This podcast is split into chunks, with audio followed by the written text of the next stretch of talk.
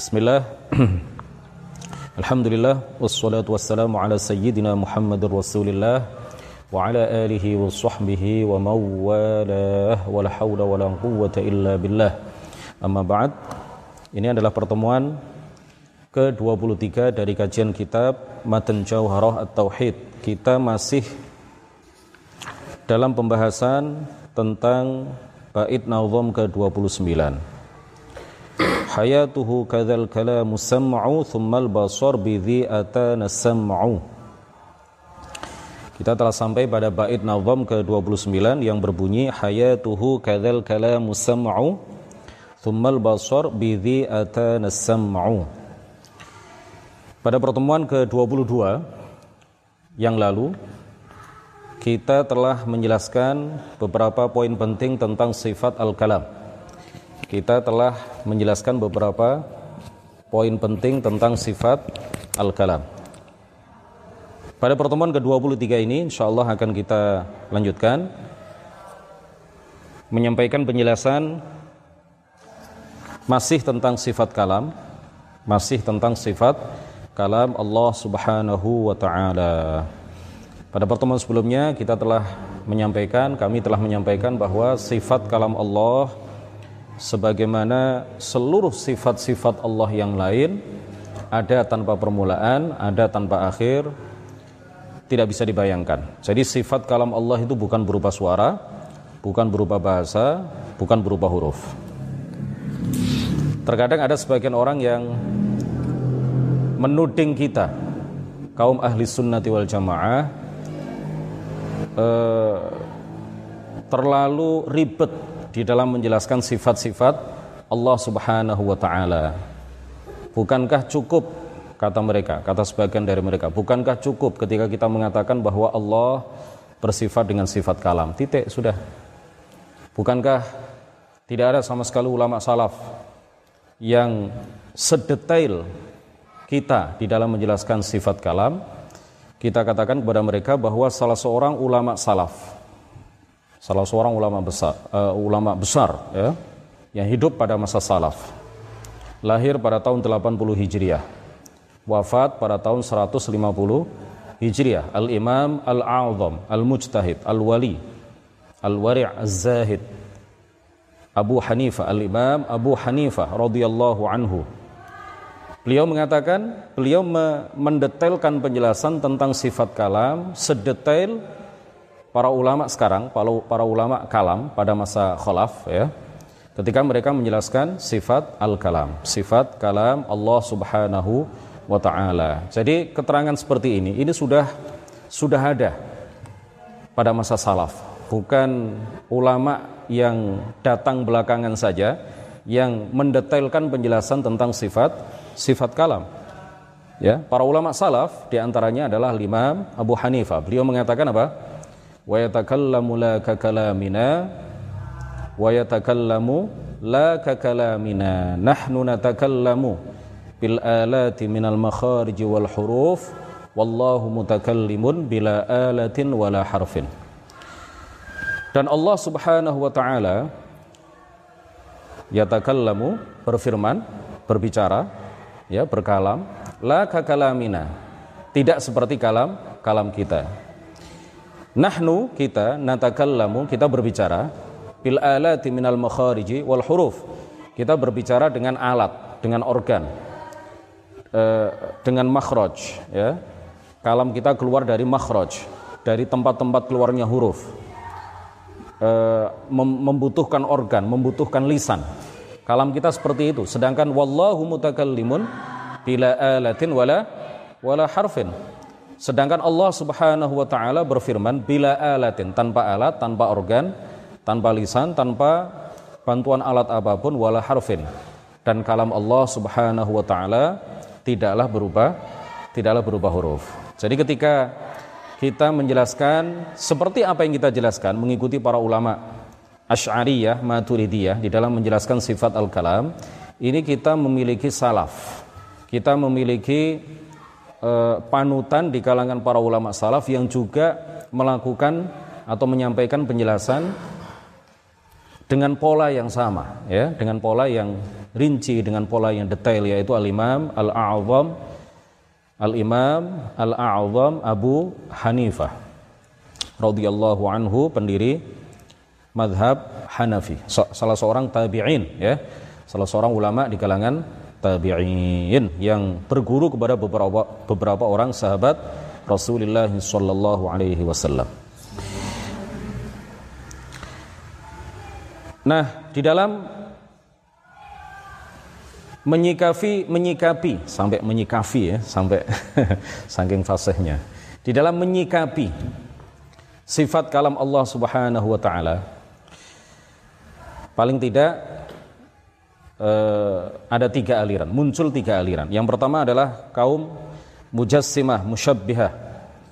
Ya, kaum mujassimah, aliran mujassimah, aliran musyabbihah yang meyakini bahwa Allah Subhanahu wa taala sama dengan makhluk, disifati dengan sifat-sifat makhluk, meyakini bahwa Allah adalah jisim, benda uh, yang tersusun dari bagian-bagian. Mereka meyakini bahwa Allah bersifat dengan sifat kalam dan sifat kalam Allah itu berupa suara, berupa bahasa, berupa huruf. Bahkan mereka juga mengatakan Al-Quran yang kita baca itu adalah qadim, Al-Quran yang berupa suara, yang berupa bahasa, yang berupa huruf yang kita baca, yang berupa lafat, itu kata mereka adalah sebagian dari mereka mengatakan apa? Itu qadim, itu tidak memiliki permulaan. Ini adalah e, perkataan atau pernyataan yang sungguh bertentangan dengan akidah ahli sunnati wal, wal jamaah. Kemudian aliran yang kedua adalah adalah aliran Mu'tazilah. Aliran Mu'tazilah. Mereka mengingkari sifat kalam. Mereka mengingkari, mereka menafikan sifat kalam Allah Subhanahu wa taala. Jadi Allah mutakallim itu dalam arti kata mereka Allah mutakallim itu dalam arti Allah mewujudkan atau menciptakan suara dan huruf ya pada pada tempat-tempat tertentu. Ya, seperti apa? Ketika Allah kata mereka, kata Mu'tazilah menciptakan huruf dan bahasa ya huruf dan bahasa e, rangkaian huruf ya dan bahasa di Allah al-Mahfuz maka itulah yang disebut dengan Allah mutakallim Allah Allah berfirman ya jadi orang Mu'tazilah itu mereka tidak tidak mengingkari bahwa Allah mutakallim ya, ya yang mereka ingkari adalah sifat kalam mereka menyatakan bahwa Allah mutakallim ya tetapi Allah tidak memiliki sifat sifat kalam. Jadi mereka mengingkari sifat-sifat Allah secara umum, termasuk sifat sifat kalam. Mereka tidak bisa mengingkari bahwa Allah mutakallim karena memang di dalam Al-Qur'an Allah taala berfirman wa kallamallahu Musa taklima.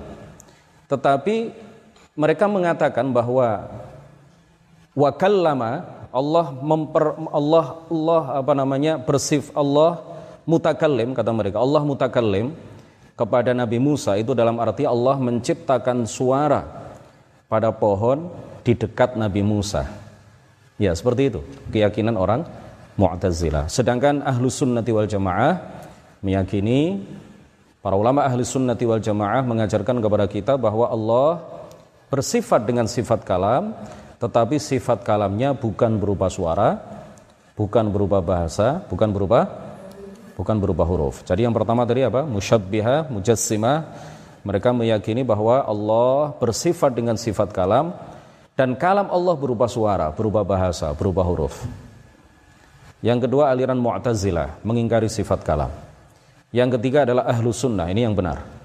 Ya, yang kita ikuti dari masa ke masa di eh, apa diyakini oleh para ulama, oleh golongan mayoritas yang bernama ahli sunnati wal jamaah yang sejatinya mereka adalah orang-orang yang mengikuti akidah yang dibawa dan diajarkan oleh Rasulullah dan para dan para sahabatnya.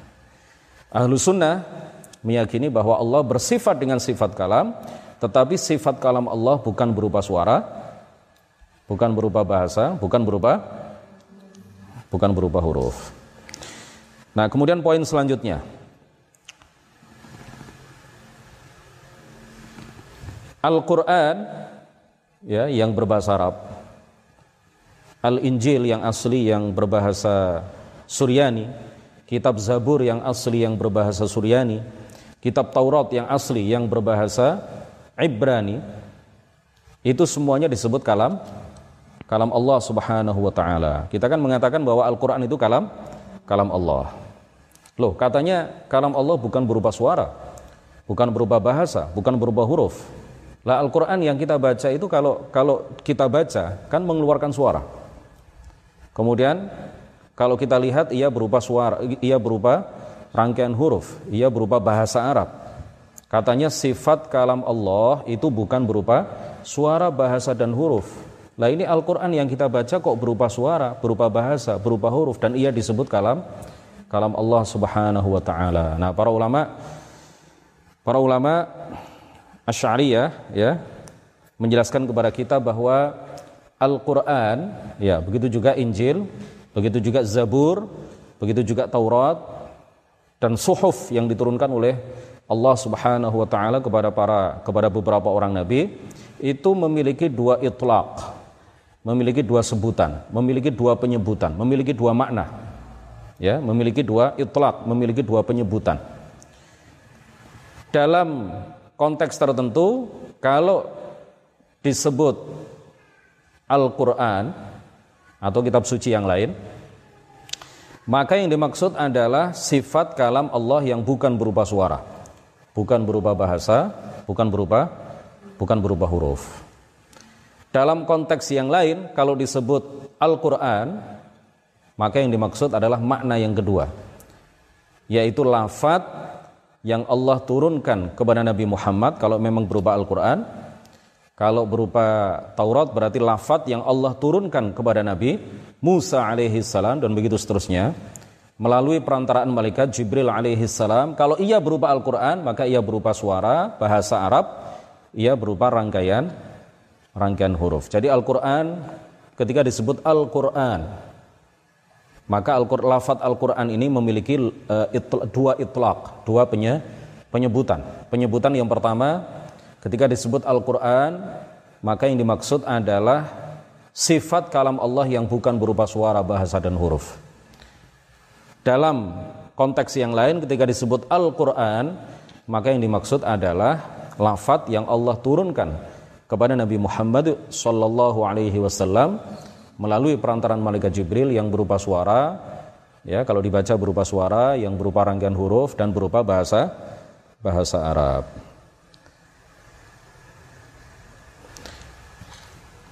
Nah, begitu juga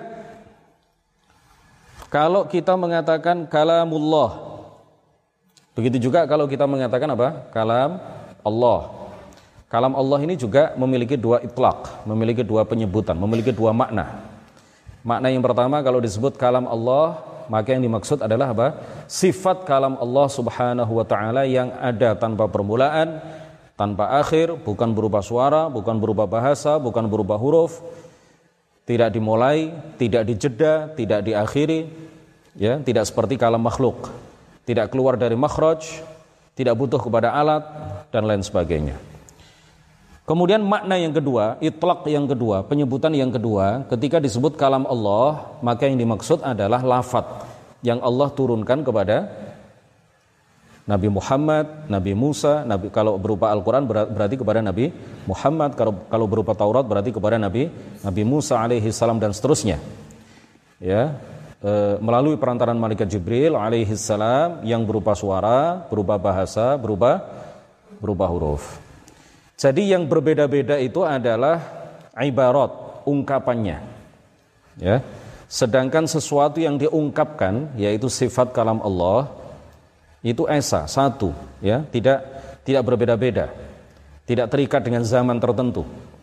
Sesuatu ya jadi jadi di sini ada ada sesuatu yang diungkapkan al muabbar anhu yaitu sifat kalam Allah yang bukan berupa suara bukan berupa bahasa bukan berupa huruf ia bukan makhluk ia tidak memiliki permulaan tidak memiliki akhir tidak seperti kalam kita.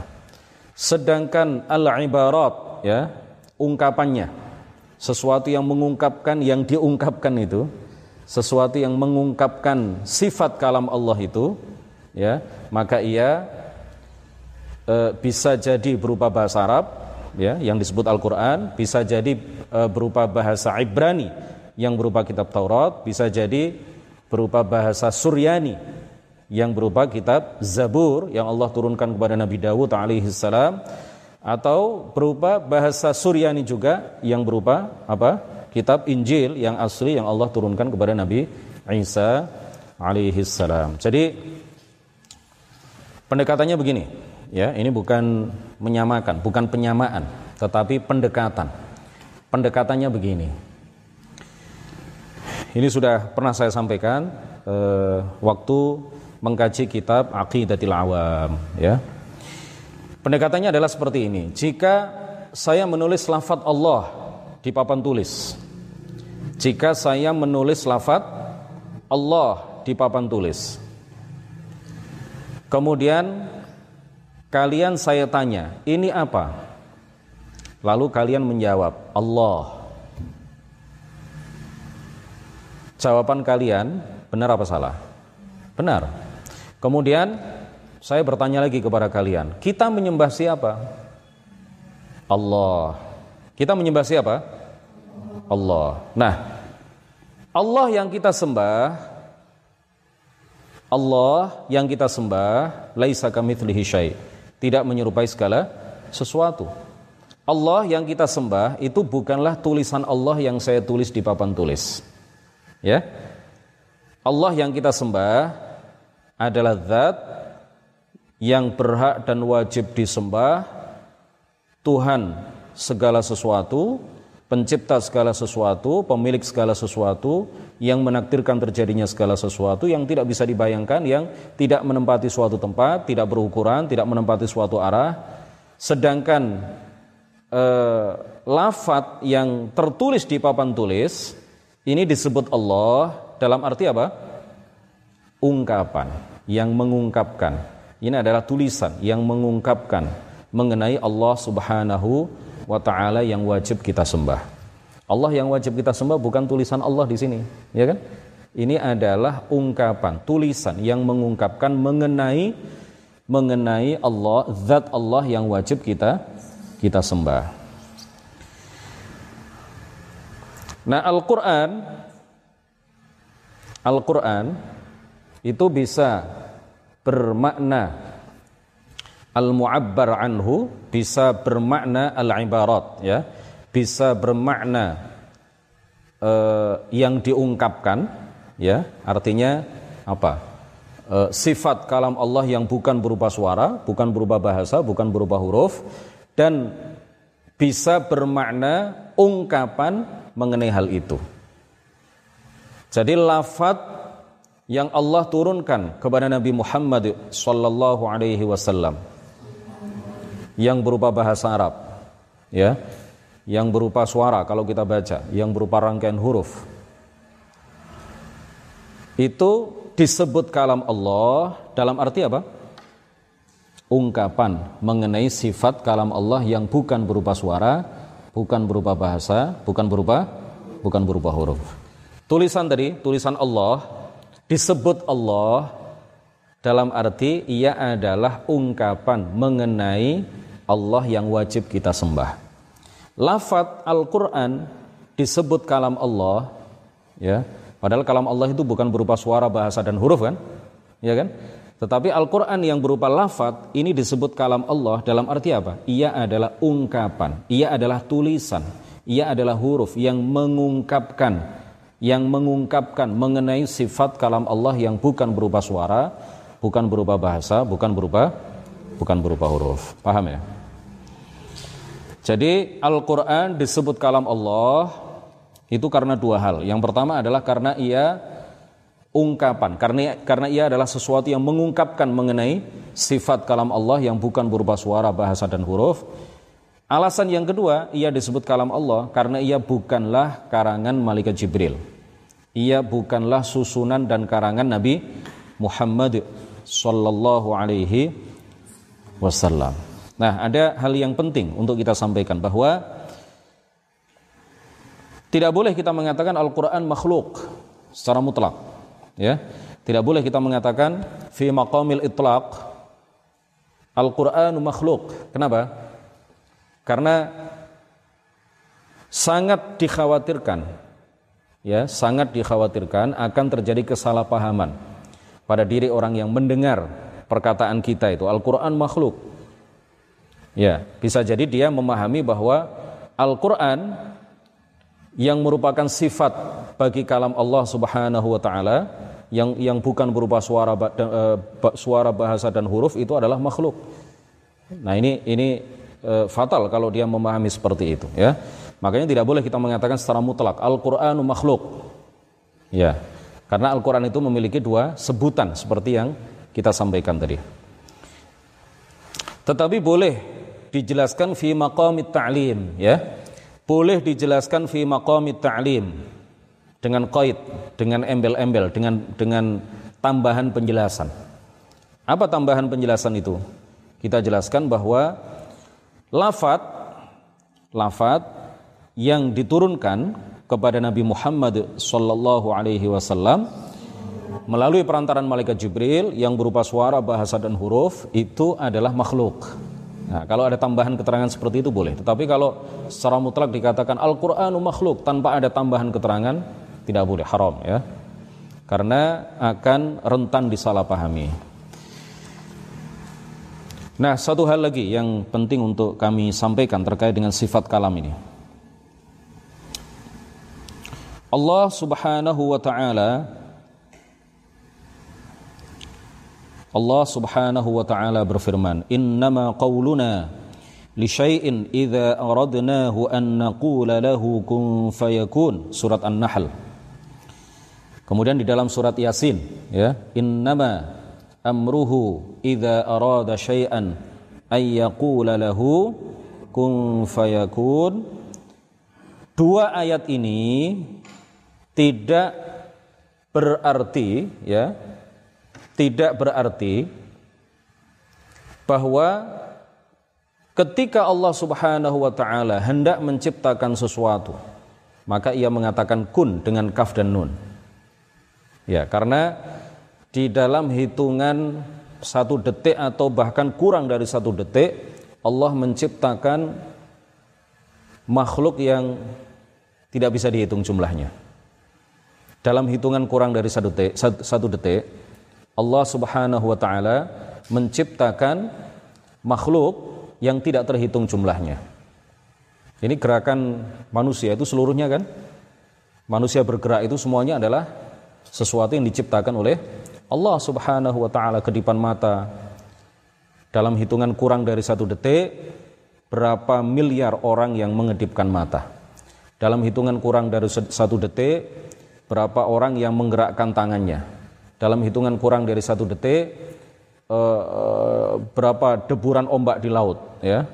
Itu semuanya adalah ciptaan Gusti.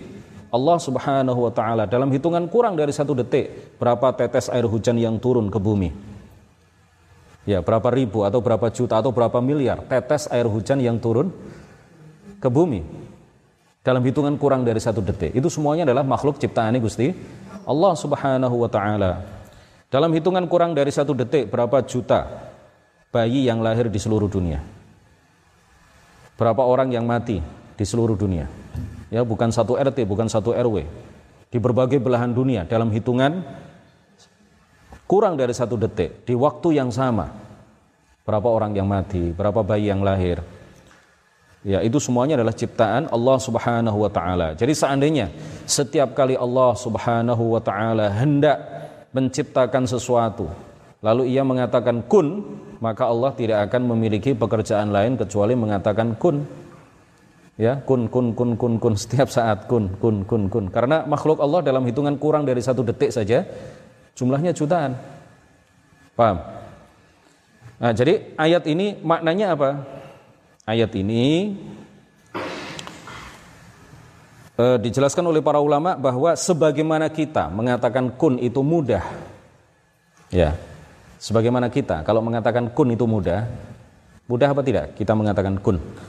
Nah, Allah Subhanahu wa taala di dalam menciptakan apa pun ia mudah melakukannya. Ya. Tidak ada kepayahan, tidak ada keletihan, tidak ada yang dapat menghalang-halanginya. apa pun yang Allah kehendaki untuk ia ciptakan maka akan terwujud apa yang dia ciptakan apa yang apa yang dia kehendaki untuk diciptakan maka pasti akan tercipta tanpa ada yang bisa menghalangi tanpa ada yang bisa mencegahnya dengan sangat mudah Allah menciptakan apa pun yang dia kehendaki kemudian kun ini kan bahasa ya bahasa Arab kun adalah bahasa bahasa Arab. Seandainya kun ini uh, seandainya Allah Subhanahu wa taala mengatakan kun, ya, maka akan membutuhkan kun sebelumnya. Ya, karena ia makhluk, ia ia uh, apa? Uh, memiliki permulaan kun. Ya. Seandainya Allah Subhanahu wa taala mengatakan kun setiap kali menciptakan sesuatu, maka pasti akan butuh kun sebelumnya. Kemudian membutuhkan kun sebelumnya membutuhkan kun sebelumnya dan begitu seterusnya sampai tidak ada ujung pangkalnya dan ini mustahil. Ya. Dan ini adalah sesuatu yang mu, muhal. Jadi oleh karena itu para ulama sepakat menyatakan bahwa sifat kalam Allah Subhanahu wa taala ada tanpa permulaan, ada tanpa akhir. Ia bukanlah berupa suara, bukan berupa bahasa, bukan berupa huruf, tidak seperti kalam kita.